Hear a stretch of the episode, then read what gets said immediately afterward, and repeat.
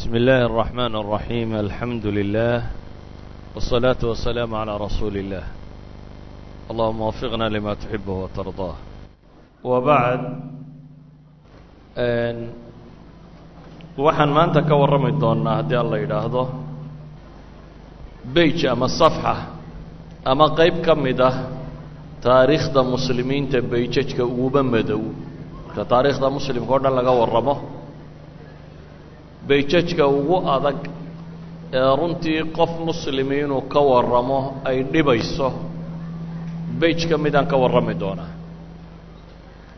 Bejka warka aan ka sheegayo maaha litasliya iyo inaan ku madadaalano dad muslimiin oo la laayey ama la baabi'iyey ama magaalooyin muslimiin oo la dumiyey taariikhdood. Laakiin danta aan ka leenay waxa weeyaan lilcibra inaan isweydiinno maxaa halaagga intan leeg keenay? Maxaa dhibta intan leeg muslimiinta ku sababay? Waayo fi taariikhi اlislaam waa markii koowaad ee caasimaddii muslimiinta ee khilaafa alislaamiya ka telinaysay min mashriqi ilaa maqribi ay hoos imanaysay waa markii koowaad ee taariikhda la qabsado. Waxaynu geli doonnaa markaa daris sheegistiisu ay naxdin badantay ka warrankiisuna wuu adag yahay. Laakiin aan isku dayayo bal inaan soo guud maro intii aan guud mari karo. Waxaynu joognay dowladdii tataarka oo uu qabsaday ninuu awoowiyey jinkis khan oo inankiisii ugu yaraa uu dhalay ee tuuli oo la yidhaahdo manko khan waxaynu soo sheegnay dowladdaa uu qabsaday ninka la yidhaahdo manko khan oo nin hooyadii masiixiya ay tahay. Saddex nim oo ay walaalayiin inuu kaalmaystay oo mid uu caasimadoodii ku reebay karakrum ama qaraqrum lo odhan jiray midna uu eshiyada fog u dhiibtay siiba jina iyo wixii ka agdhodhow iyo kuriya qabilay nin la yidhaahdo walaalkiisii ugu yaraana waxaa loo xil saaray oo nin dagaalyahana ahaa caasimadda muslimiinta ama dowladdii dunida ugu xooga badnayd ama ugu weyneyd ee waagaa jirtay siduu dhulka u dhigi lahaa. Ninkaasi waxaa la yidhaahdaa luqada af ingiriisiga halaagu ayay ku sheegaan. Taarikhyahanada muslimiintuna hoolaako bay qoraan. Halaago ama hoolaako kaad tidhaahdaba waa saddexda nine walaalaha ninkii ugu yaraa. Waa nin runtii ka telinayay markaa dowla alkhawarzimiya dhulkii ay ka telin jirtay siiba bershiya ama dhulkii eraan la yidhaahdo iyo waxa ku ag wareegsan. Weliba xaaskiisuna waa amiirad ama khaatuun. Waataynu nidhi khaankana raggaa la yidhaha khaatuunkana dumarkaa la yidhaha. Waa amiirad takas khaatuun la yidhaahdo oo iyana masiixiyada. Marka boqorku hooyadiibaa masiixiyada ninka kanna xaaskiisa ayaa masiixiya. Waxaad dareemaysaa markaa masiixiyadda inay xoog badan ku yeelatay dowladdii tataarka iyo dhankeeda. Ninka kani siduu khilaafada islaamiga u dumiyo isagoo ah nin qalbi adag oo aan naxariis aqoon haddana wuxuu ahaa nin deggan oo tallaabadiisa aada uga fiirsada oo wuxuu u baahnaay oo dhan isku dayey inuu muddo sameeyo. Weerarun aan iska qaadin laakiin tijaabiyey inuu tamhiid hordhac tiro badan le u arrintaa u sameeyo. Hordhacaasi wuxuu ku qaatay muddo shan sannadood uu ka shaqaynayey lix boqol iyo sagaal iyo afartankii ayaa la soo diray ilaa lix boqol iyo afar iyo kontonkii hijiriyada. Shantaas sannadood wuxuu waday diyaargarow isagoo bershiya jooga oo ciraaq aanay waxba u jirin ayuu haddana diyaargadow waday. Waxay dhahdaan nimanka taariikhda qoraa diyaargarow buu sameeyey afar meelood ku saabsan. Kow wuxuu diyaargarow ka sameeyey bay idhaahdeen infrastructureka ama albinya taxtiya oo ah logisticska waxaana yidhaahdaan sidii uu u heli lahaa ciidamada shidaalka wixii uu u baahan dhan waddadii ay u soo mari lahaayeen dabeetana wuxuu sameeyey waddooyin isku xidhan min ciraaq ilaa jayne waddooyin waaweyn oo isku xidha ayuu samaystay.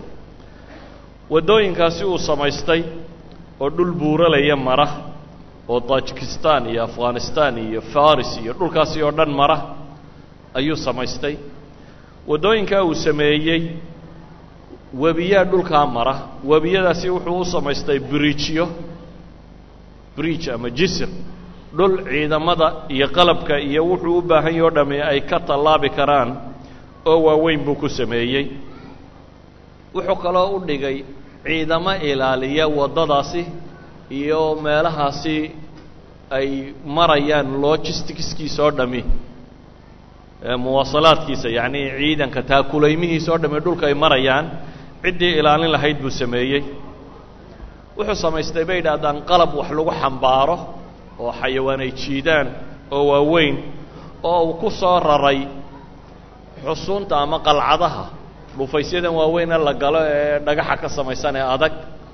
Qalab jiniisku ay samayn jireen iyo dhulkaasiyo lagu garaaco oo markaasi lagu dumiyo ayuu soo xambaaray oo soo qaaday oo jayno ka keenay ilaa iyo baqdaad duleedadeeda uu keenayey wuxuu sameeyey dhulka waddooyinkee uu samaystay inta u dhow ee agagaarkeeda wuxuu ka ilaaliyey xoolo daddaqdaan iyo xoolaa duurjooga midnaba inuu daaqo.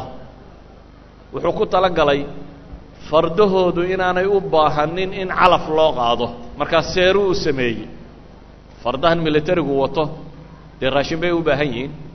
Si aan raashinkooda ugu cuslaanin waddooyinka isku xidha min jayna ilaa baqdaad ee ciidamadiisu ay marayaan agagaarkeeda seeruu ka dhigay seeruhu waa dhulkan laga ilaaliyo xoolaha iyo wuxuuba inay galaan ee la ilaaliyo.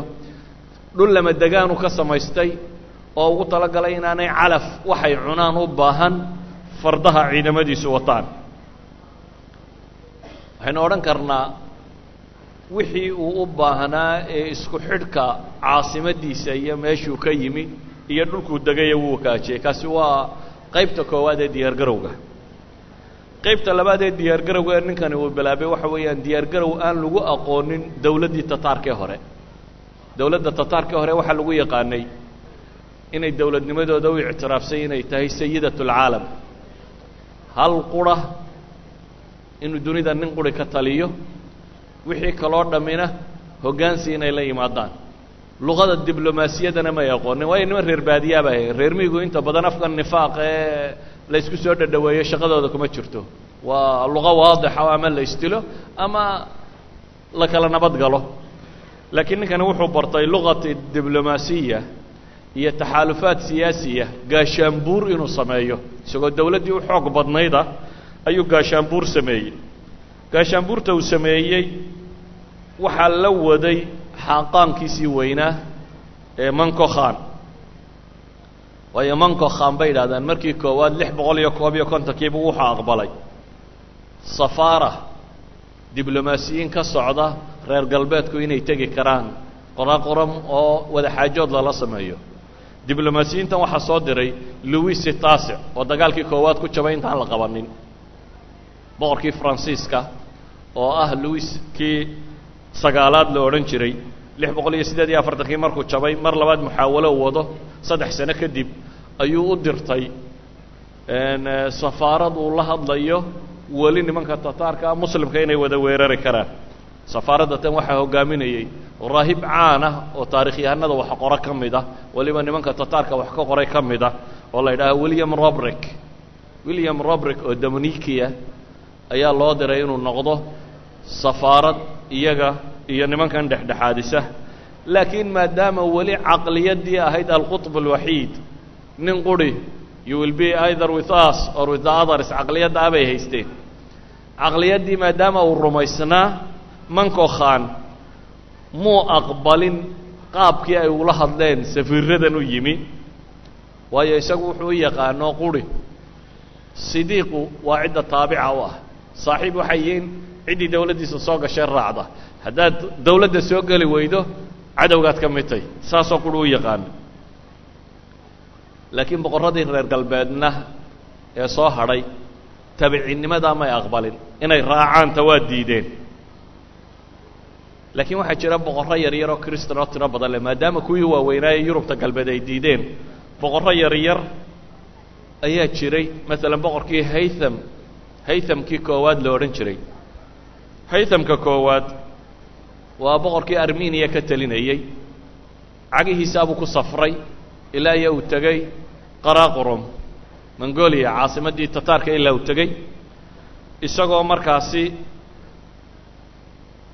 raba inuu heshiis la galo maadaama boqorkan isagoo lugaynayaba uu yimi si weyn buu u soo dhoweeyey monko khan. Waxaa loo sameeyey soo dhoweyn weyn. Isna wuxuu aqbalay bunuudi tabaciya inuu dawladdan u hoggaansamo uu raacayo ayuu aqbalay. Oo uu ka mid yahay racaaya ama dadka dawladda taageersanee raacsisan inuu ka mid yahay. Haythamka koowaad wuxuu manko khan u oggolaaday kow boqorka iyo wuxuu hantileeya gaarka ah inuu nabadgelinayo wuxuu kaloo u soo oggolaaday kanaa'ista iyo adiiraadku yacnii meelaha ay ku caabudaan diintooda masiixiyiintu inaan wax daraa'iba taxationa inaan laga qaadin ee tagaska free ay ka noqdaan.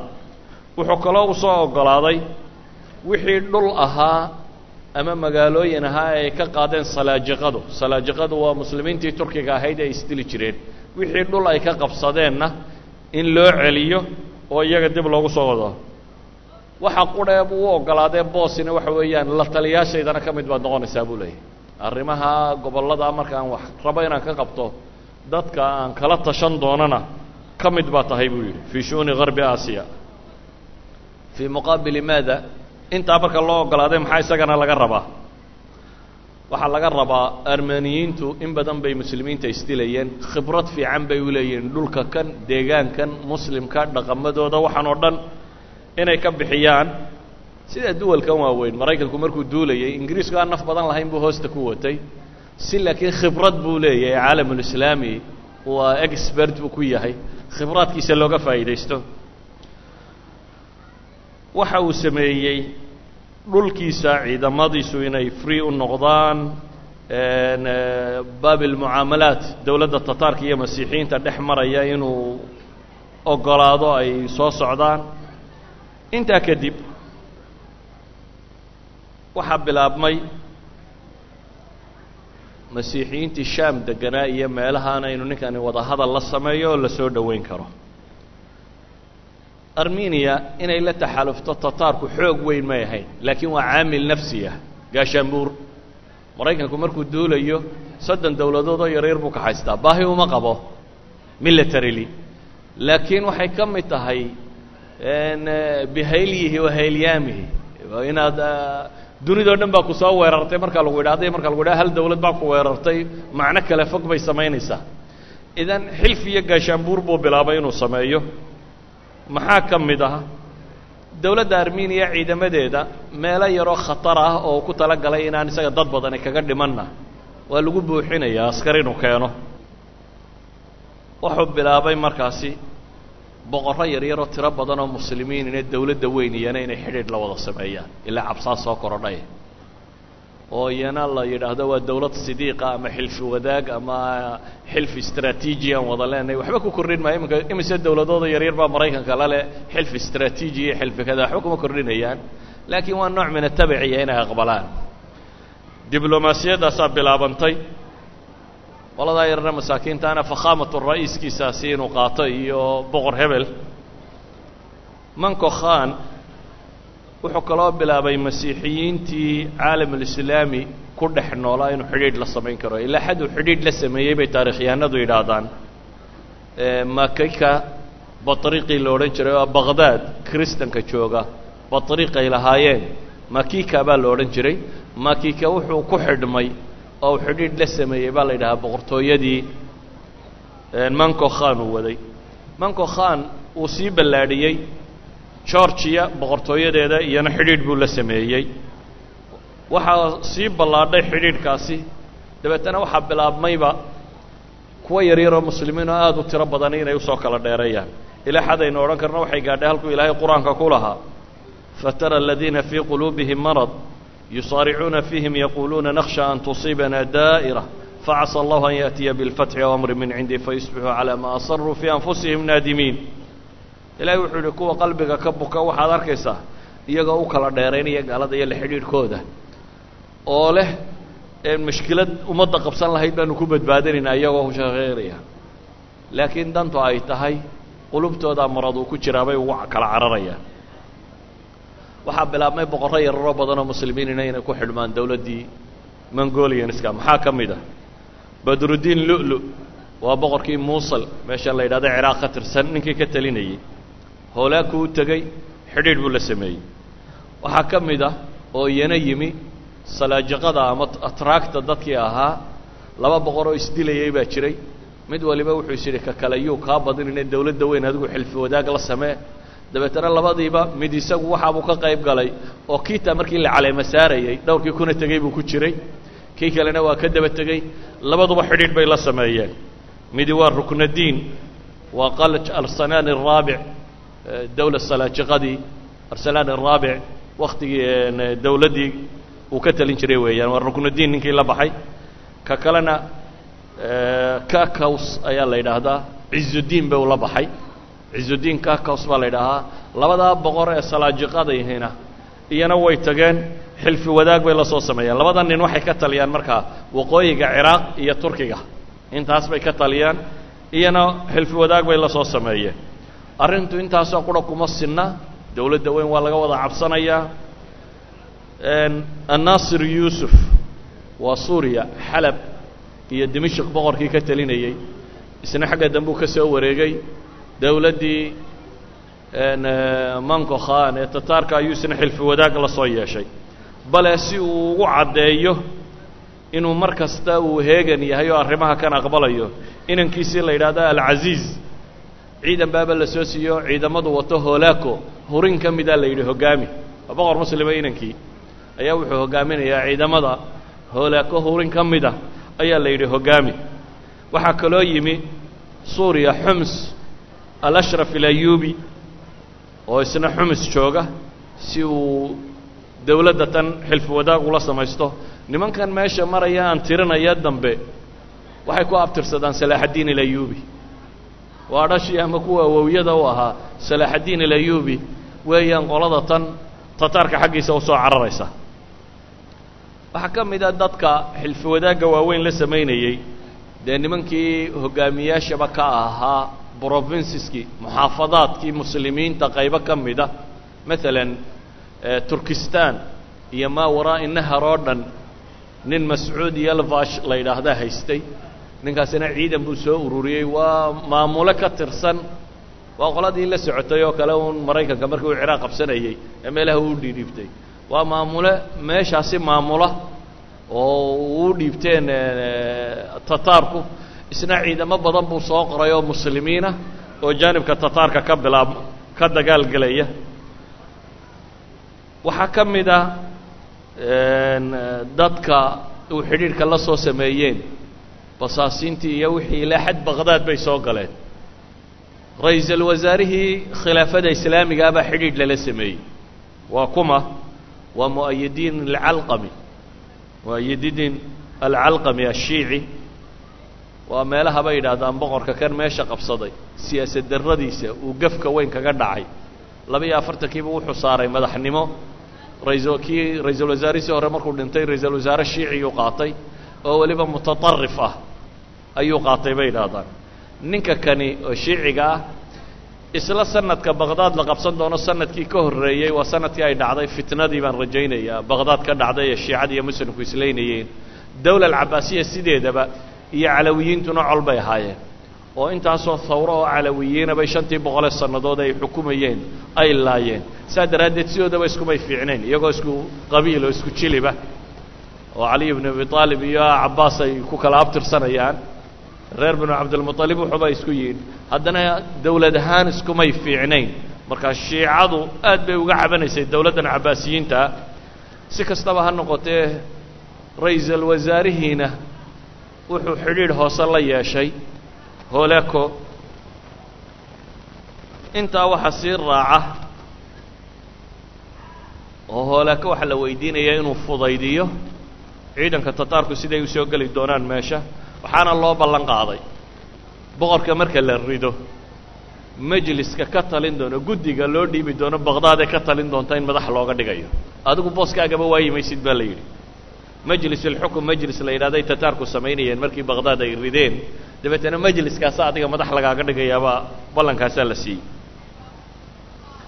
Khulaasadu waxa weeyaan ciidamadii tataarku intaanay dagaalka bilaabin waxay sameeyeen xilfi wadaag tiro badan oo ay ka soo samaysteen xukaamtii muslimiinta iyo kuwii kiristankaba ee agagaarka joogay oo markaasi akraad u badnaa iyo shiico dawla alcabaasiya markii khawaarzimiyiinta la liqayay dee umay gargaarin bal ee tataarkay taagtaageeraysa iyaga marka la liqayo waa aljazaau min jinsi alcamal de maadaama adba kuwii hore aada lugta u qabatay adna cidinku difaaci mayse waxay noqotay adna qaar lugta ku qabto in lagugu itixaamo isbe dawla alkhawaarzimiya iyo muslimiintii milyan milyanka loo dilaya ka warramayay ama nishabuur ama marwa ama samarqand ama bukhaara markii la tirtirayey umay gargaarin. Taasi waxay sababtay dadku siduu u kala furfuraa in iyagana markooda dad tiro badani u ku soo baxaan. Boqorradii karamaan ka talinayey oo barq ninkii la odhan jiray oo ah khiyaatuddiin ayaa meesha madax uga dhigtay. Jalaaluddiin kii walaalkii weeyaan. Waa boqorkii khawaarzim ee moxamed ayaa dhalay. Labada walaalii markay isdilayeen mid baa meesha u sii dhiibtay. Kii meesha u sii dhiibtaa u yimi. Kii intuu ikhtiyaal ku sameeyo madaxa ka gooyey ayuu u geeyey madaxii khiyaatuddiin waxaa loo diray maxay? Qaraaqarun baa loo diray iyadoo lagu bishaaraynayay ina jala inan kale oo boqorkii khawaarzim uu dhalay inuu ka soo takhallusay isna meeshaa la yidhaah hayso way soo socotay. Qudbadiin mid la yidhahdo meesha joogay iyo nin kale ku loolamayo abibakar la odhan jiray. Labadooduba ciidamo iyana u soo direen holaako ay leeyihiin waa kula xilfi wadaagta ay ku biirayaan. Marka aan soo duuduubo qodobka koowaad waxa weeyaan waddadii wuu hagaajistay iyo askartiisi iyo ciidamadu meeshay mari lahaayeen. Qodobka labaadna waxa weeyaan gaashaanbuur ballaadhan bay samaysteen si khilaaf alcabaasiya loogu duulo. Qodobka saddexaad waxay bilaabeen xarbi dacaayiya. Dunida waxaa la ysku haystaa dagaalka dacaayaddu dadka ciidamada wuu niyad jabiyaa dadka wuu dhibaa maraykanku dunida wuxuu u sheegay. Cirka waxaa ugu muuqanaya sida xabadda liina dhulka taalla inay arkayaan. Hadda dad waaweyn ay daydayayaanna weli way arki la'yihin laakiin waxaa laynaga dhaadhaciyay technolojiyadu xadkay gaadhay midhliina haddii dhulka waxay yidhaahdaan garankaad xidhantahay haddii sida kale loo rogo wuu akhriyi karaan waxa meesha kaga qoran. Dacaayaadku markaa dadka way way jebiyaan. Sidoo kale tataarku waxay faafsadeen dacaayo aada u cajiibah dacaayadaasi caamadii iyo dadka qalbiyadooda way gelgeshay si dacaayaadkaasi ay u faafi karaan kow dadka badh malaa weylaadkii iyo balaayooyinkii u dhigay jenkis khan. Dee soddon sane hadda ka soo wareegay jenkis khan. Lix boqol iyo toddobiyo tobankii bay ahayd markii uu weylaadka ugu waaweyn dhigayey iminkana waa dhowr iyo kontonkii. Soddoneeyo sane ka soo wareegay. Dadkan cusubi mala aada u garan maayaan jenkis khan sheeko sheekuu ku yahay. Si wax loo xasuusiyo ciidamo yaryar bay direen oo wax laaya oo wax gumaada oo dadka baqogeliya oo rucbiga dib u abuura waxay kaloo sameeyeen waqooyiga ciraaq oo dhan meelo ka mida duulimaadyoay ku qaadeen saruuj sanjaar meelahaasi oo dhan. Waxay dhaceen qaafilaat ay lahaayeen dawla alcabaasiya iyo dadkii muslimiinta ahaa oo waxay dhaheen hal qaafilo qura ayay lix boqol oo kun oo diinaar ka dhaceen. Waa tajmiidul amwaalkan oo kale. Adigu wixii xoola lala wareegi karayay waa lala sii wareegay. Waxay samaysteen dad gabyaaya kuwa sheeka abuurayaala suugaanyahano wakhtigaa dee iclaamka ugu badanay gabayga iyo wixii la midu ahaa.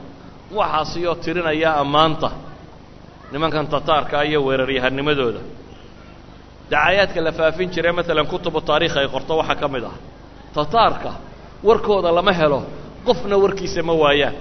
Yani waa c i a bay leeyihiin iyo f b i khatara oo adigu meeshaad istaagtaba way kaa warhayaan. Laakiin iyaga akhbaartooda lama gaadhi karo. Dacaayaadka la faafin jiray waxaa ka mid ah tataarku hadday magaalo soo galaan wuxuunbay galaan iyadoo aan laba ogeyn sida ay waxooda u sirayn karaan. Tataarka dacayaadka la faafinaya waxaa ka mid a dumarkoodu sida raggay u dagaalamaan nin iyo naagkii ku hela waa isku mid askarta. Waa kaa takhallusaysaa. Dacayaadka la faafiyey waxaa ka mid ah tataarku wax nooloo ay helaan way cunaan. Hilibka wax ka xaaraansanay ma jiraan. Xataa dadkay cunaan baa la yidhi. Caalaman islaamiga oo dhamme waa kurbanaya niman aan waxbaba reebayn wuxuu arkaba qof liqaya ee noolo ah. Waa khatar waa wax laga biqi karo waxaa la gaadhsiiyey inay yidhaahdaan tataarku maadaama uu wax kasta cunayo ninka tataarka ahi saadba uma baahna. Wuu iska soconaya bahal iyo dad wuxuu helaba maadaama uu cunayo. Ma qaataan saadka baa la yidhi iyagu waa nimankaasi socda. Dacaayaddu waxay gaadhay xad oo aada u bajiyaan dadka. Waraaquu qorayey. Waraaqahay u qorayeen. Boqorrada way gilgishay. Maalan bal hal warqadaydiin akhriyo. Oo ka timi boqortooyadii tataarka iyo hoolaakiya kooxdii oo ku socota boqor yaro ka mida boqorradii muslimiinta ah wuxuu leeyahay naxnu junuud ullah bina yantaqim miman cataa watajabara wataqa watakabar wa biamri اllahi ma اtamar naxnu qad ahlakna اlbilaad waabadna اlcibaad waqatalna الnisaءa wاlأwlaad faya ayuha albaaquun antum biman madaa laaxiquun ya ayuha alghaafiluun antum ilayhim tusaaquun maqsaduna اlintiqaam wamulkuna laa yuraam wanaziiluna laa yudaam wacadluna fii mulkina qad ishtahar wamin suyufina ayna almafar damarna albilaad waaytamna alawlaad waahlakna alcibaad waadaqnaahum alcadaab wajacalna cadiimahum sagiira waamiirahum asiira taxsabuuna anakum mina naajuun aw mutakhallisuun wacan qaliilin taclamuuna calaa maa tuqadimuun waqad acdara man andar aa waraaqdu soo qoray. Sajacii carbeed ee wakhtigaa socday ayaa niman udabi heleenoo u qoreen. Wuxuu leeyahay annagu askartii ilaahay baanu nay wixii kibre ee qooqa ee isweyneeya ee ilaahay amarkiisa qaadan waaya ayaa annaga ilaahay nagu cidhib gooyaa buu ku leeyahay. Askar ilaahay baanu wixii noocaasa waa gumaadnaa annagu buu leeyahay dhulka waanu halaagnay oo addoommihii waa tirtirnay oo dumar iyo carruurtiiba waa laynay.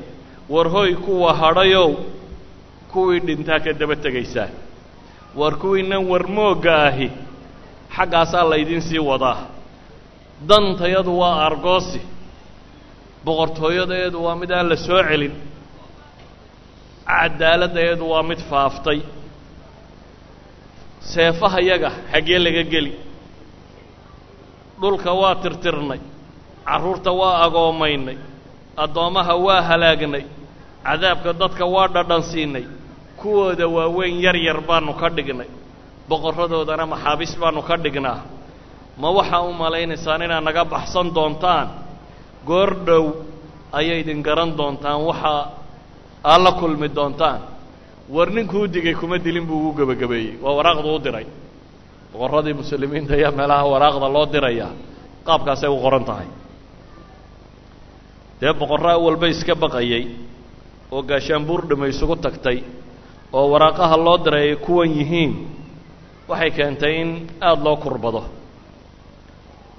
Markaynu saddexdaa qaybood ka nimaadno ee ah taakulayntiisi iyo zaadkiisii siduu u dhowrtay iyo waddooyinka u samaystay xilfi wadaag siduu samaystay iyo gaashaanbuurta uu dhistay iyo iclaamka iyo hanjabaadda uu samaystay. Qaybta afraad waxa weeyaan militaryli siduu u diyaar garoobay laba dhan buu ka sameeyey. Dhan waxa weeyaan ciidanka muslimiinta in la daciifiyo. Dhanna waa ciidankiisa weerarka gelaya siduu u xoojiyey.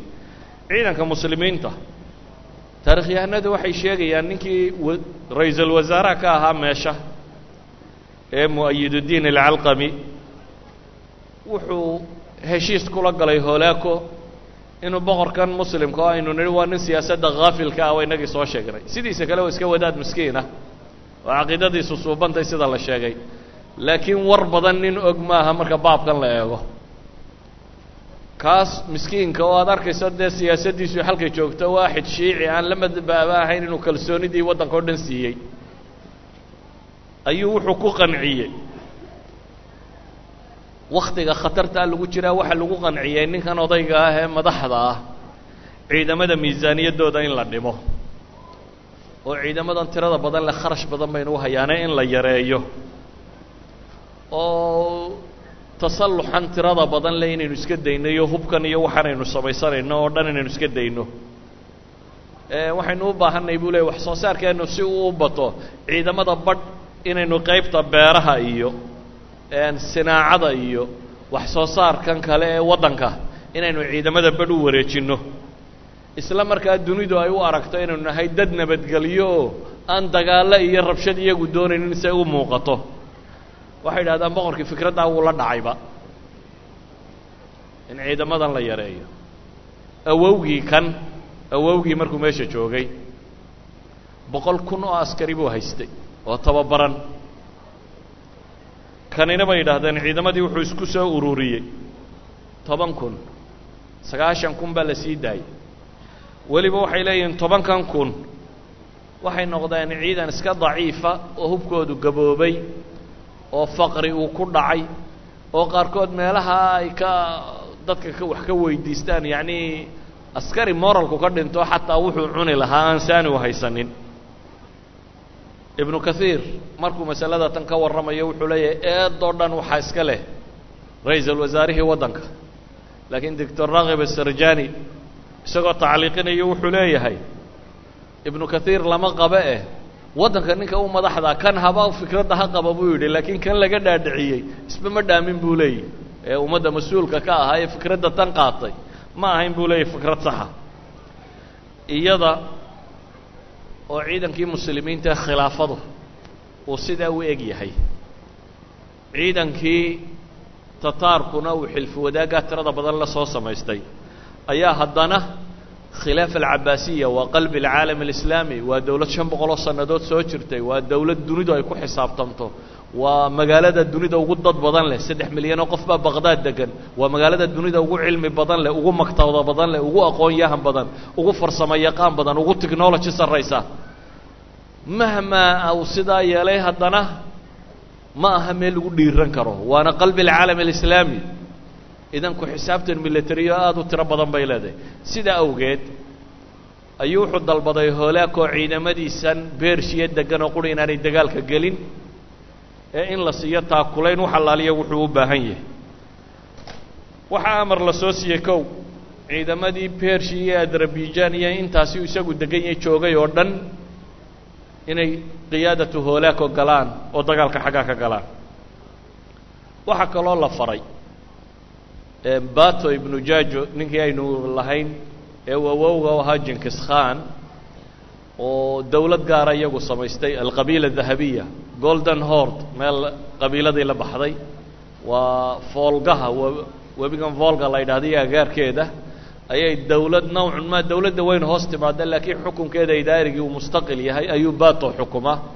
Bato baa waxaa la yidhi ciidan waa inaad adna dirtaa oo meeshaasi geysaa bato wuxuu soo diray isagana ciidan saddex inan oo walaalkii dhalay ay hogaaminayaan oo tiro badan ayuu yidhi idinkuna dagaalka ka qayb gala.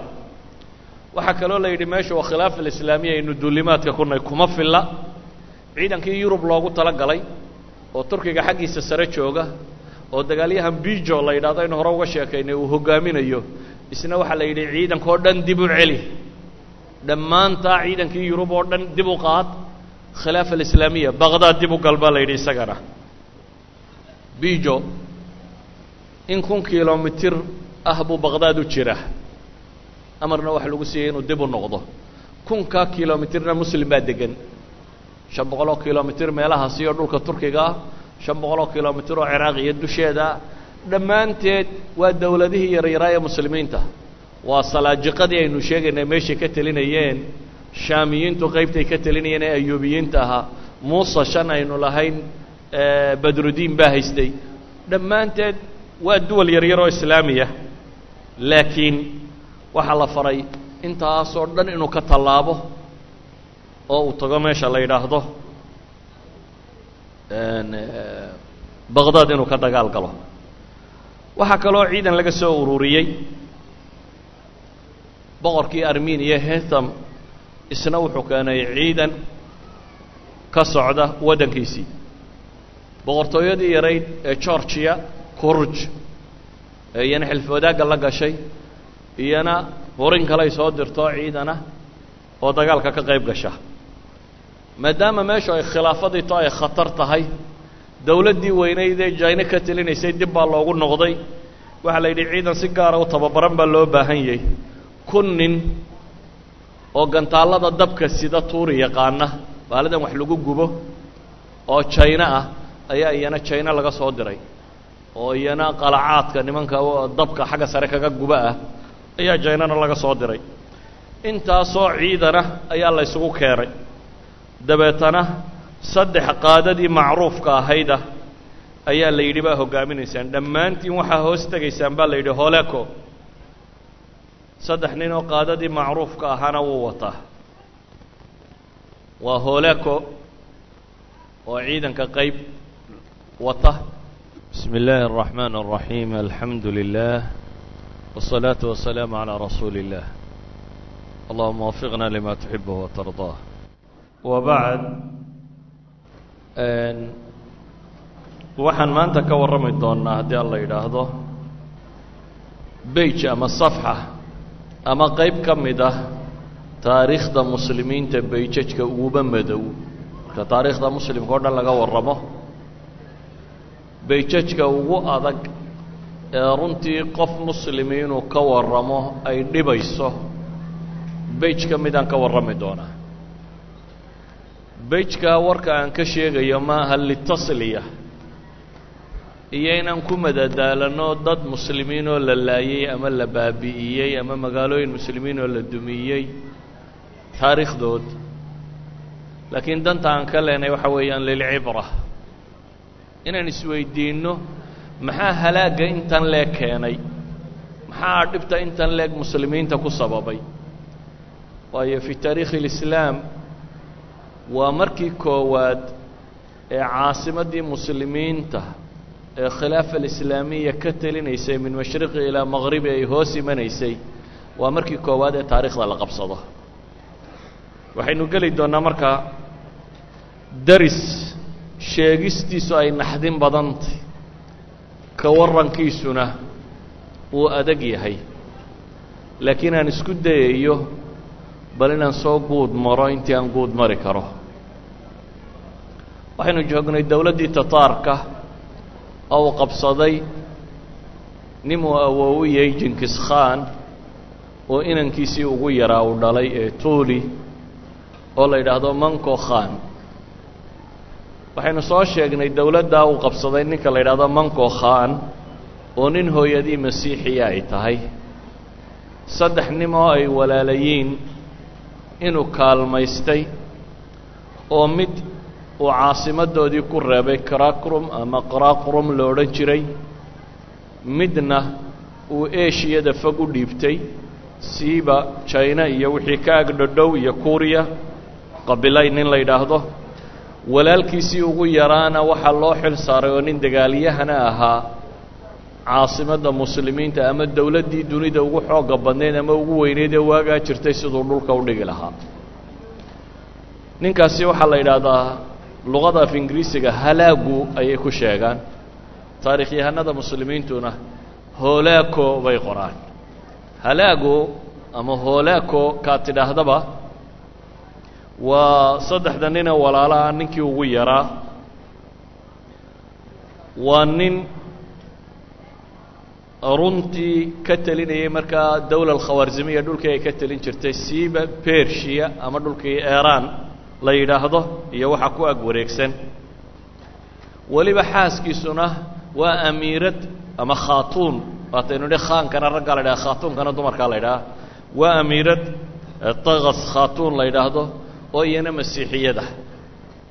Marka boqorku hooyadiiba masiixiyada ninka kanna xaaskiisa ayaa masiixiya. Waxaad dareemaysaa markaa masiixiyadda inay xoog badan ku yeelatay dowladdii tataarka iyo dhankeeda. Ninka kani siduu khilaafada islaamiga u dumiyo isagoo ah nin qalbi adag oo aan naxariis aqoon haddana wuxuu ahaa nin deggan oo tallaabadiisa aada uga fiirsada oo wuxuu u baahnaay oo dhan isku dayey inuu muddo sameeyo. Weerarun aan iska qaadin laakiin tijaabiyey inuu tamhiid hordhac tiro badan le u arrintaa u sameeyo. Hordhacaasi wuxuu ku qaatay muddo shan sannadood uu ka shaqaynayey lix boqol iyo sagaal iyo afartankii ayaa la soo diray.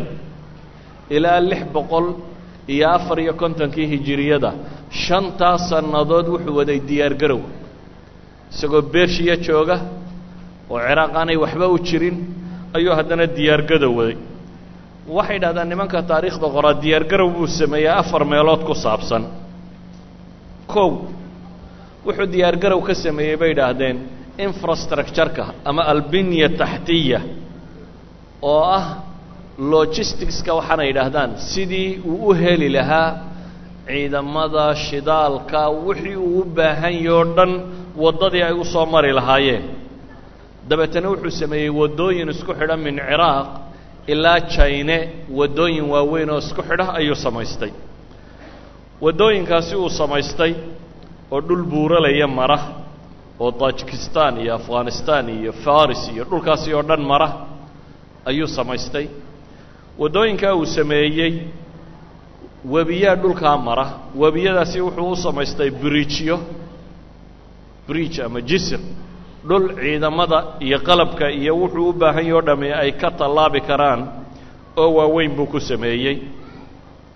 Wuxuu kaloo u dhigay ciidamo ilaaliya waddadaasi iyo meelahaasi ay marayaan logisticskiisa oo dhami muwaasalaadkiisa yacni ciidanka taakulaymihiisa oo dhami dhulka ay marayaan ciddii ilaalin lahayd buu sameeyey. Wuxuu samaystay bay idhaahdaan qalab wax lagu xambaaro oo xayawaan ay jiidaan oo waaweyn oo uu ku soo raray xusuunta ama qalcadaha. Dhufaysyadan waaweyne la galo ee dhagaxa ka samaysan ee adag.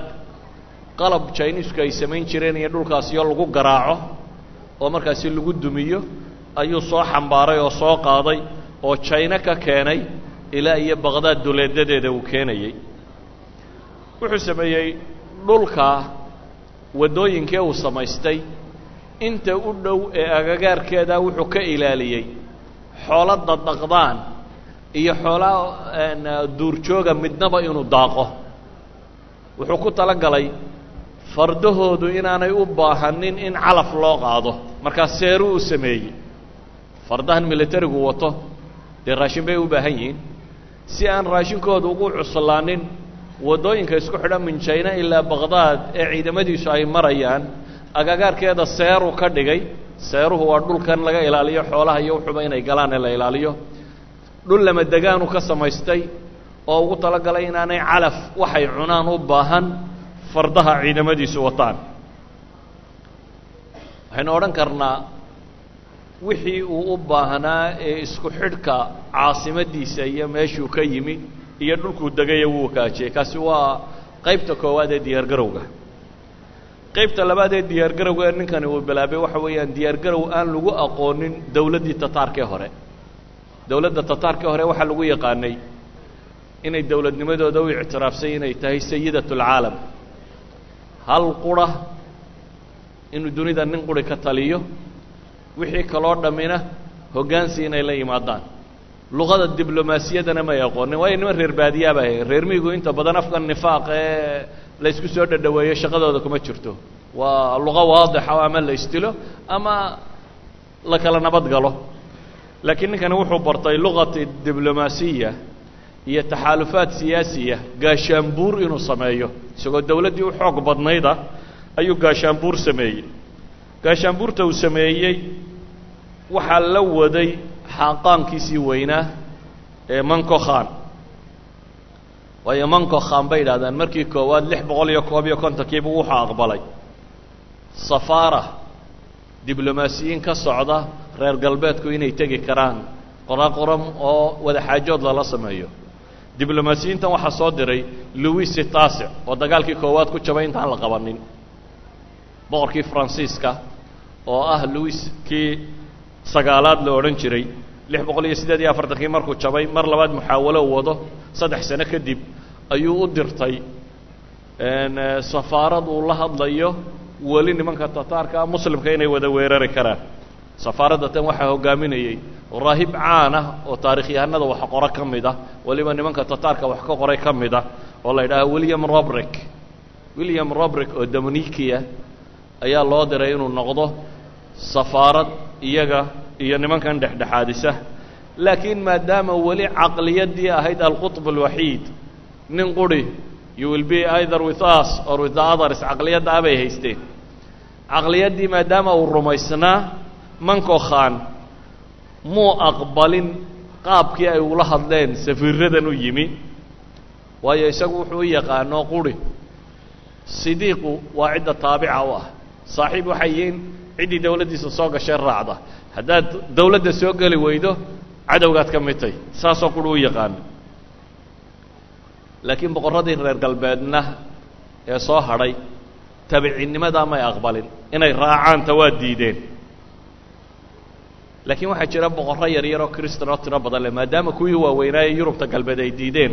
Boqorro yaryar ayaa jiray. Maalan boqorkii haytham haythamkii koowaad la odhan jiray. Haythamka koowaad waa boqorkii armeniya ka telinayey cagihiisaabuu ku safray ilaa iyo uu tegey qaraqrum mongolia caasimaddii tataarka ilaa uu tegey isagoo markaasi raba inuu heshiis la galo maadaama boqorkan isagoo lugaynayaba uu yimi si weyn buu u soo dhoweeyey manko khan. Waxaa loo sameeyey soo dhoweyn weyn. Isna wuxuu aqbalay bunuudi tabaciya inuu dawladdan u hoggaansamo uu raacayo ayuu aqbalay. Oo uu ka mid yahay racaaya ama dadka dawladda taageersanee raacsisan inuu ka mid yahay. Haythamka koowaad wuxuu manko khan u oggolaaday kow boqorka iyo wuxuu hantileeya gaarka ah inuu nabadgelinayo wuxuu kaloo u soo oggolaaday kanaa'ista iyo adiiraadku yacnii meelaha ay ku caabudaan diintooda masiixiyiintu inaan wax daraa'iba taxation inaan laga qaadin ee tagaska free ay ka noqdaan. Wuxuu kaloo u soo oggolaaday wixii dhul ahaa ama magaalooyin ahaa ay ka qaadeen salaajiqadu salaajiqadu waa muslimiintii turkiga ahayd ay isdili jireen.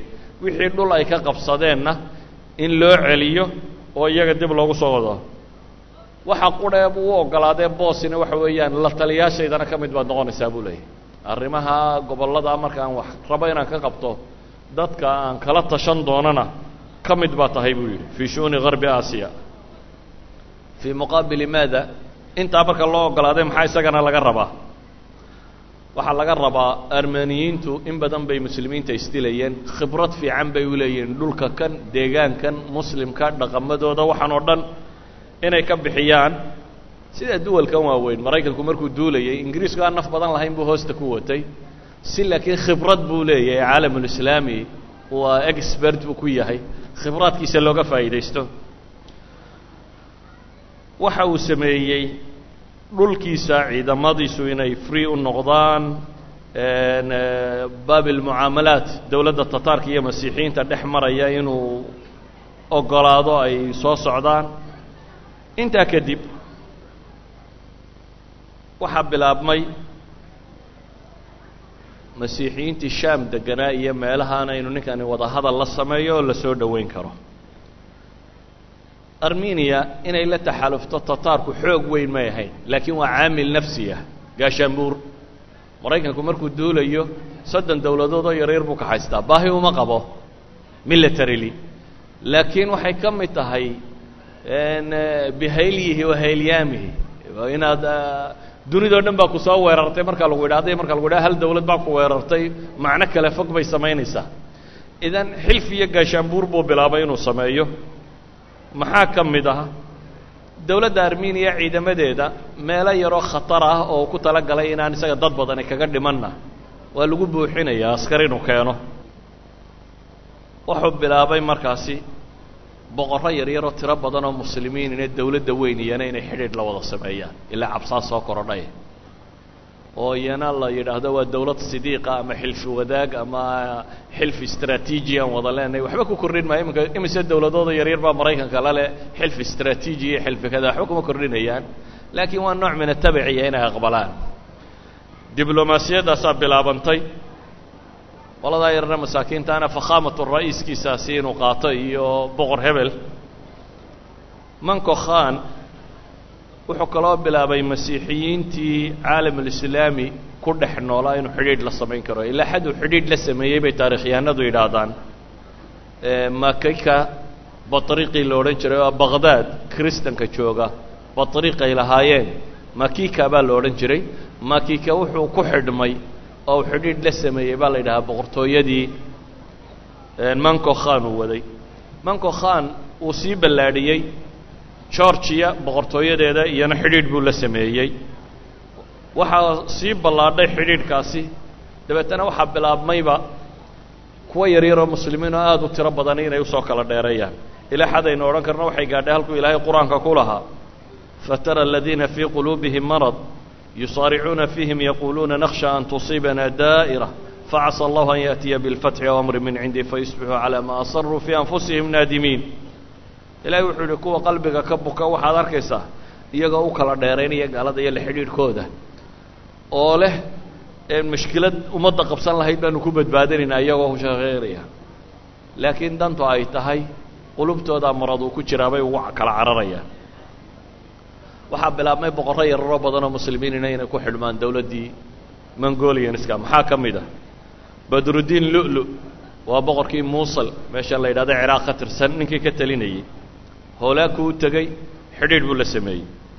Waxaa ka mid ah oo iyana yimi salaajiqada ama atraagta dadkii ahaa laba boqor oo isdilayay baa jiray.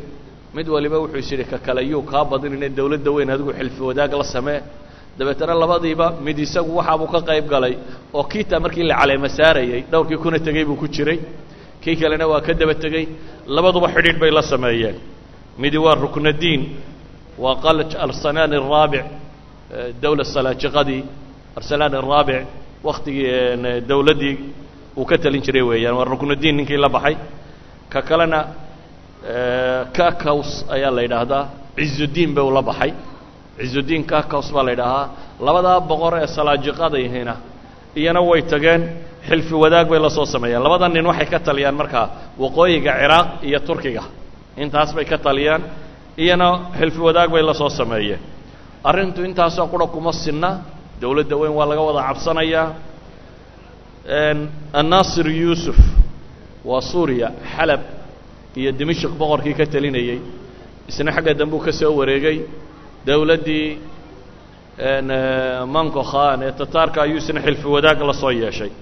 Bale si uu ugu caddeeyo inuu mar kasta uu heegan yahay oo arrimaha kan aqbalayo inankiisii la yidhaahdo alcaziiz ciidan baaba la soo siiyo ciidamadu wato hoolaako hurin ka mida la yidhi hoggaami waa boqor muslima inankii. Ayaa wuxuu hoggaaminayaa ciidamada hoolaako hurin ka mida. Ayaa la yidhi hoggaami waxaa kaloo yimi suuriya xums alashraf ilayubi oo isna xumus jooga si uu dowladda tan xilfi wadaag ula samaysto. Nimankan meesha maraya aan tirinaya dambe waxay ku abtirsadaan salaaxaddiin ilayubi waa dhashii ama kuwa awowyada u ahaa salaaxaddiin ilayubi weeyaan qolada tan tataarka xaggiisa u soo cararaysa. Waxaa ka mid a dadka xilfi wadaagga waaweyn la samaynayey dee nimankii hogaamiyaashaba ka ahaa brovinsiskii muxaafadaadkii muslimiinta qaybo ka mida maalan turkistan iyo maa waraa'i nahar oo dhan nin mascuud yalvash la yidhaahdaa haystay. Ninkaasina ciidan buu soo ururiyey waa maamulo ka tirsan. Waa qoladii la socotay oo kale uun maraykanka markii uu ciraaq qabsanayey ee meelaha uu dhiidhiibtay waa maamule meeshaasi maamula oo uu dhiibteen tataarku isna ciidamo badan buu soo qoray oo muslimiina oo jaanibka tataarka ka bilaab ka dagaalgelaya waxaa ka mid ah dadka uu xidhiidhka la soo sameeyeen. Basaasiintii iyo wixii ilaa xad baqdaad bay soo galeen. Ra'iisul wasaarihii khilaafada islaamigaa baa xidhiidh lala sameeyey. Waa kuma waa mu'ayidiin alcalqami mu'ayidiin alcalqami ashiici waa meelaha bay yidhaahdaan boqorka kan meesha qabsaday. Siyaasad darradiisa uu gafka weyn kaga dhacay. Laba-iyo afartankiiba wuxuu saaray madaxnimo. Raisal kii ra'iisul wasaarihiisii hore markuu dhintay ra'iisul wasaare shiiciyuu qaatay. Oo weliba mutaطarif ah ayuu qaatay bay idhaahdaan ninka kani oo shiiciga ah isla sanadka baqdaad la qabsan doono sannadkii ka horreeyey waa sannadkii ay dhacday fitnadii baan rajaynayaa. Baqdaad ka dhacday ee shiicada iyo muslimku islaynayeen. Dawla alcabaasiya sideedaba iyo calawiyiintuna col bay ahaayeen. Oo intaasoo hawro oo calawiyiina bay shantii boqolee sannadood ay xukumayeen ay laayeen. Saa daraaddeed sidoodaba iskumay fiicnayn iyagoo isku qabiil oo isku jiliba. Oo caliy bnu abi aalib iyo cabaas ay ku kala abtirsanayaan. Reer binu cabdilmualib wuxuuba isku yihiin haddana dawlad ahaan iskumay fiicnayn markaa shiicadu aad bay uga cabanaysay dawladdan cabaasiyiinta si kastaba ha noqotee ra'iisal wasaarihiina wuxuu xidhiidh hoose la yeeshay holeco intaa waxaa sii raaca oo holeco waxaa la weydiinayaa inuu fudaydiyo ciidanka tataarku siday u soo geli doonaan meesha waxaana loo ballan qaaday. Boqorka marka la rido majliska ka talin doono guddiga loo dhiibi doono baqdaad ee ka talin doonta in madax looga dhigayo. Adigu booskaagaba waayimaysid baa la yidhi majlis alxukm majlis la yidhahday tataarku samaynayeen markii baqdaad ay rideen. Dabeetana majliskaasa adiga madax lagaaga dhigayaabaa ballankaasaa la siiyey. Khulaasadu waxa weeyaan ciidamadii tataarku intaanay dagaalka bilaabin waxay sameeyeen xilfi wadaag tiro badan oo ay ka soo samaysteen.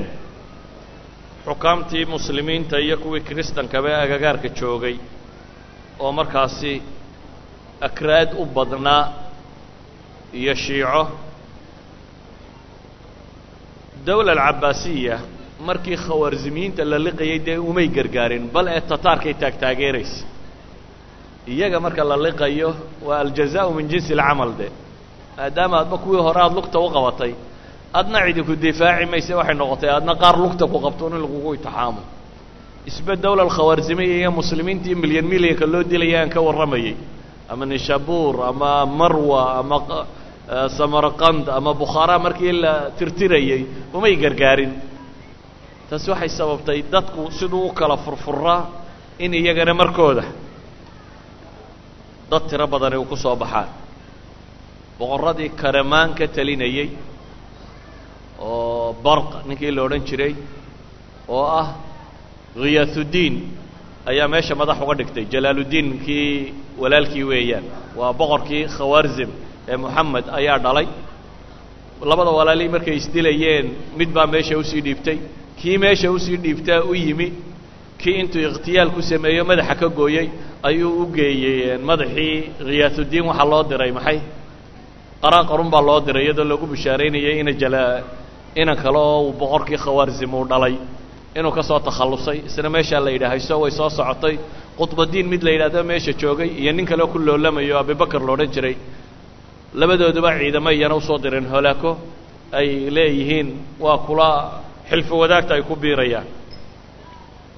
Marka aan soo duuduubo qodobka koowaad waxa weeyaan waddadii wuu hagaajistay iyo askartiisi iyo ciidamadu meeshay mari lahaayeen. Qodobka labaadna waxa weeyaan gaashaanbuur ballaadhan bay samaysteen si khilaaf alcabaasiya loogu duulo. Qodobka saddexaad waxay bilaabeen xarbi dacaayiya. Dunida waxaa la ysku haystaa dagaalka dacaayaddu dadka ciidamada wuu niyad jabiyaa dadka wuu dhibaa maraykanku dunida wuxuu u sheegay. Cirka waxaa ugu muuqanaya sida xabadda liina dhulka taalla inay arkayaan. Hadda dad waaweyn ay daydayayaanna weli way arki la'yihin laakiin waxaa laynaga dhaadhaciyay technolojiyadu xadkay gaadhay midhliina haddii dhulka waxay yidhaahdaan garankaad xidhantahay haddii sida kale loo rogo wuu akhriyi karaan waxa meesha kaga qoran. Dacaayaadku markaa dadka way way jebiyaan. Sidoo kale tataarku waxay faafsadeen dacaayo aada u cajiibah dacaayadaasi caamadii iyo dadka qalbiyadooda way gelgeshay si dacaayaadkaasi ay u faafi karaan kow dadka badh malaa weylaadkii iyo balaayooyinkii u dhigay jinkis khan. Dee soddon sane hadda ka soo wareegay jinkis khan. Lix boqol iyo toddobiyo tobankii bay ahayd markii uu weylaadka ugu waaweyn dhigayey iminkana waa dhowr iyo kontonkii soddoneeyo sane ka soo wareegay. Dadkan cusubi malaa aada u garan maayaan jinkis khan sheeko sheekuu ku yahay. Si wax loo xasuusiyo ciidamo yaryar bay direen oo wax laaya oo wax gumaada oo dadka baqogeliya oo rucbiga dib u abuura waxay kaloo sameeyeen waqooyiga ciraaq oo dhan meelo ka mida duulimaadyo ay ku qaadeen saruuj sanjaar meelahaasi oo dhan. Waxay dhaceen qaafilaad ay lahaayeen dawla alcabaasiya iyo dadkii muslimiinta ahaa oo waxay dhaheen hal qaafilo qura ayay lix boqol oo kun oo diinaar ka dhaceen. Waa tajmiidul amwaalkan oo kale. Adigu wixii xoola lala wareegi karayay waa lala sii wareegay. Waxay samaysteen dad gabyaaya kuwa sheeka abuurayaala suugaanyahano wakhtigaa dee iclaamka ugu badanay gabayga iyo wixii la midu ahaa waxaasiyoo tirinaya ammaanta nimankan tataarka iyo weeraryahanimadooda dacayaadka la faafin jiray maalan kutubu taarikh ay qorto waxaa ka mid ah tataarka warkooda lama helo qofna warkiisa ma waayaan. Yani waa c i a bay leeyihiin iyo f b i khatara oo adigu meeshaad istaagtaba way kaa warhayaan. Laakiin iyaga akhbaartooda lama gaadhi karo. Dacayaadka la faafin jiray waxaa ka mid ah tataarku hadday magaalo soo galaan wuxuunbay galaan iyadoo aan laba ogeyn sida ay waxooda u sirayn karaan. Tataarka dacayaadka la faafinaya waxaa ka mid a dumarkoodu sida raggay u dagaalamaan nin iyo naagkii ku hela waa isku mid askarta. Waa kaa takhallusaysaa. Dacayaadka la faafiye waxaa ka mid ah tataarku wax nooloo ay helaan way cunaan. Hilibka wax ka xaaraansanay ma jiraan. Xataa dadkay cunaan baa la yidhi. Caalamulislaami oo dhamm waa kurbanaya waxbaba reebayn wuxuu arkaba qof liqaya. Ee noolo ah. Waa khatar waa wax laga biqi karo waxaa la gaadhsiiyey inay yidhaahdaan tataarku maadaama uu wax kasta cunayo ninka tataarka ahi saadba uma baahna. Wuu iska soconaya bahal iyo dad wuxuu helaba maadaama uu cunayo. Ma qaataan saadka baa la yidhi iyagu waa nimankaasi socda. Dacaayaddu waxay gaadhay xad oo aada u bajiyaan dadka. Waraaquu qorayey. Waraaqahay u qorayeen. Boqorrada way gelgeshay maalan bal ama hal warqadaydiin akhriyo. Oo ka timi boqortooyadii tataarka iyo hoolaakiya kooxdii oo ku socota boqor yaro ka mida boqorradii muslimiinta ah wuxuu leeyahy naxnu junuud ullah bina yantaqim miman cataa watajabara wataqa watakabar wa biamri اllahi ma اtamar naxnu qad ahlakna اlbilaad وأبدنا العباad وqتلna النساء والأwلاad فyا أيهa الباquun أنتم بmن مضى yaa ayuha alghaafiluun antum ilayhim tusaaquun maqsaduna alintiqaam wa mulkuna laa yuraam wanasiiluna laa yudaam wacadluna fii mulkina qad ishtahar wa min suyuufina ayna almafar damarna albilaad waaytamna alawlaad waahlakna alcibaad waadaqnaahum alcadaab wajacalnaa cadiimahum sagiira waamiirahum asiira taxsabuuna annakum mina naajuun aw mutakhallisuun وعن قليل تعلمون على ما تقدمون وقد أعذر من أنذر أوراغdu soo qoray sajacii carbeed ee wakhtigaa socday ayaa niman udabi heleeno u qoreen wuxuu leeyahay annagu askartii ilaahay baanu nay wixii kibre ee qooqa ee isweyneeya ee ilaahay amarkiisa qaadan waaya ayaa annaga ilaahay nagu cidhib gooyaa buu ku leeyahay askar ilaahay baanu no wixii noocaasa waa gumaadnaa annagu buu leeyahay dhulka waanu halaagnay oo addoommihii waa tirtirnay oo dumar iyo carruurtiiba waa laynay. War hoy kuwa hadhayow kuwii dhintaa ka daba tegaysaa war kuwiinan warmoogga ahi xaggaasaa laydin sii wadaa.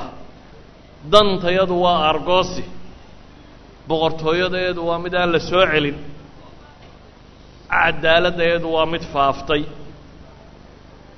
Seefahayaga xaggee laga geli dhulka waa tirtirnay carruurta waa agoomaynay addoommaha waa halaagnay cadaabka dadka waa dhadhansiinay kuwooda waaweyn yar yar baanu ka dhignay boqorradoodana maxaabiis baanu ka dhignaa.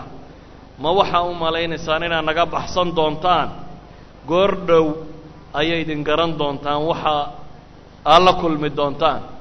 War ninkuu digay kuma dilin buu ugu gebagabeeyey waa waraaqdu u diray boqorradii muslimiinta ayaa meelaha waraaqda loo dirayaa qaabkaasay u qoran tahay. Dee boqorraa walba iska baqayey oo gaashaanbuur dhima isugu tagtay oo waraaqaha loo diray ay kuwan yihiin waxay keentay in aada loo kurbado. Markaynu saddexdaa qaybood ka nimaadno ee ah taakulayntiisi iyo zaadkiisii siduu u dhowrtay iyo waddooyinka u samaystay xilfi wadaag siduu u samaystay iyo gaashaanbuurta uu dhistay iyo iclaamka iyo hanjabaadda uu samaystay. Qaybta afraad waxa weeyaan militaryly siduu u diyaar garoobay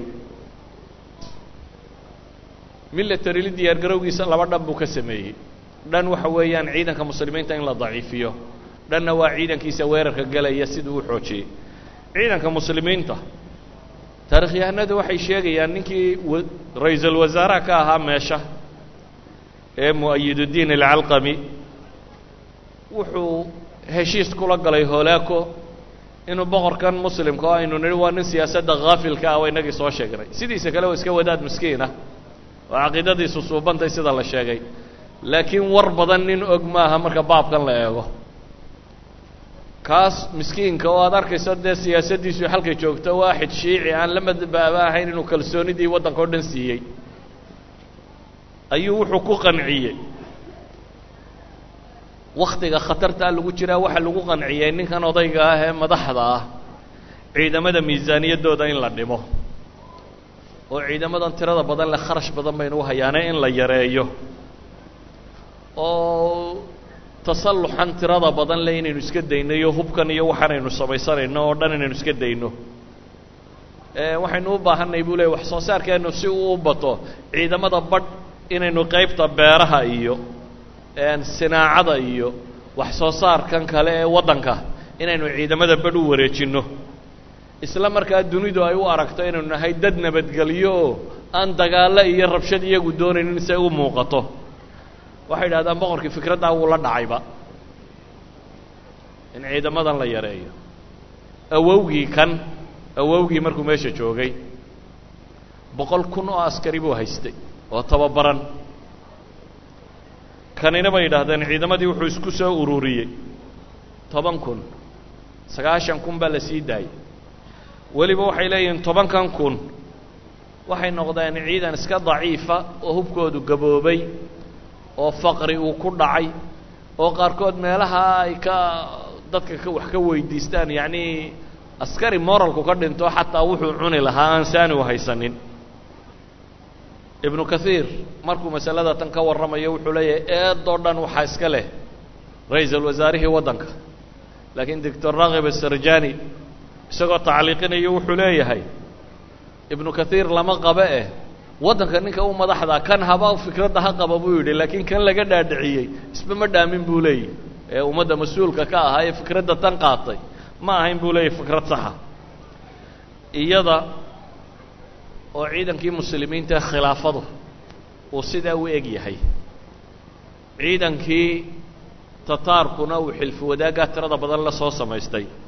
Ayaa haddana khilaafa alcabaasiya waa qalbi alcaalam alislaami waa dowlad shan boqoloo sannadood soo jirtay waa dowlad dunidu ay ku xisaabtamto waa magaalada dunida ugu dad badan leh saddex milyanoo qof baa baqdaad degan waa magaalada dunida ugu cilmi badan leh ugu maktabada badan leh ugu aqoon-yahan badan ugu farsamo yaqaan badan ugu technology sarraysa. Mahmaa uu sidaa yeelay haddana ma aha meel lagu dhiiran karo. Waana qalbi alcaalam alislaami. Idan ku xisaabtan militariyo aada u tiro badan bay leedahay. Sidaa awgeed ayuu wuxuu dalbaday hoolaakoo ciidamadiisan beershiya degan oo quri inaanay dagaalka gelin ee in la siiyo taakulayn wax allaaliya wuxuu u baahan yahay. Waxaa amar la soo siiyey kow ciidamadii beershi iyo adarabijaan iyo intaasi isagu degan yahay joogay oo dhan inay qiyaadatu hoolaako galaan oo dagaalka xaggaa ka galaan. Waxaa kaloo la faray bato ibnu jajo ninkii aynu lahayn ee awowga u ahaa jinkis khan oo dowlad gaara iyagu samaystay alqabiila dahabiya golden hord meel qabiiladii la baxday. Waa foolgaha webigan volga la yidhahda iyo agaarkeeda ayay dowlad nawcun maa dowladda weyn hoos timaada laakiin xukunkeeda idaarigii uu mustaqil yahay ayuu bato xukumaa bato baa waxaa la yidhi ciidan waa inaad adna dirtaa oo meeshaasi geysaa bato wuxuu soo diray isagana ciidan saddex inan oo walaalkii dhalay ay hogaaminayaan oo tiro badan ayuu yidhi idinkuna dagaalka ka qayb gala waxaa kaloo la yidhi meesha waa khilaaf alislaamiya aynu duulimaadka kunay kuma filla. Ciidankii yurub loogu tala galay oo turkiga xaggiisa sare jooga oo dagaalyahan bijo la yidhahdo aynu hore uga sheekaynay uu hogaaminayo. Isna waxaa la yidhi ciidanka oo dhan dib u celi. Dhammaantaa ciidankii yurub oo dhan dib u qaad khilaafa alislaamiya baqdaad dib u gal baa la yidhi isagana. Bijo in kun kilomitir ah buu baqdaad u jira amarna waxa lagu siiyey inuu dib u noqdo. Kunkaa kilomitirna muslim baa degan shan boqol oo kilomitir meelahaasi oo dhulka turkiga ah shan boqol oo kilomitir oo ciraaq iyo dusheeda. Dhammaanteed waa dowladihii yaryaraa ee muslimiinta. Waa salaajiqadii aynu sheegaynay meeshay ka telinayeen shaamiyiintu qaybtay ka telinayeen ee ayuubiyiinta ahaa. Muusa shan aynu lahayn badrudiin baa haystay. Dhammaanteed waa duwal yaryar oo islaamiya. Laakiin waxaa la faray intaasoo dhan inuu ka tallaabo oo uu tago meesha la yidhaahdo baqdaad inuu ka dagaal galo. Waxaa kaloo ciidan laga soo ururiyey boqorkii armeniya hetam isna wuxuu keenay ciidan ka socda waddankiisii. Boqortooyadii yarayd ee georgiya kurj ee iyana xilfi wadaagga la gashay iyana horin kale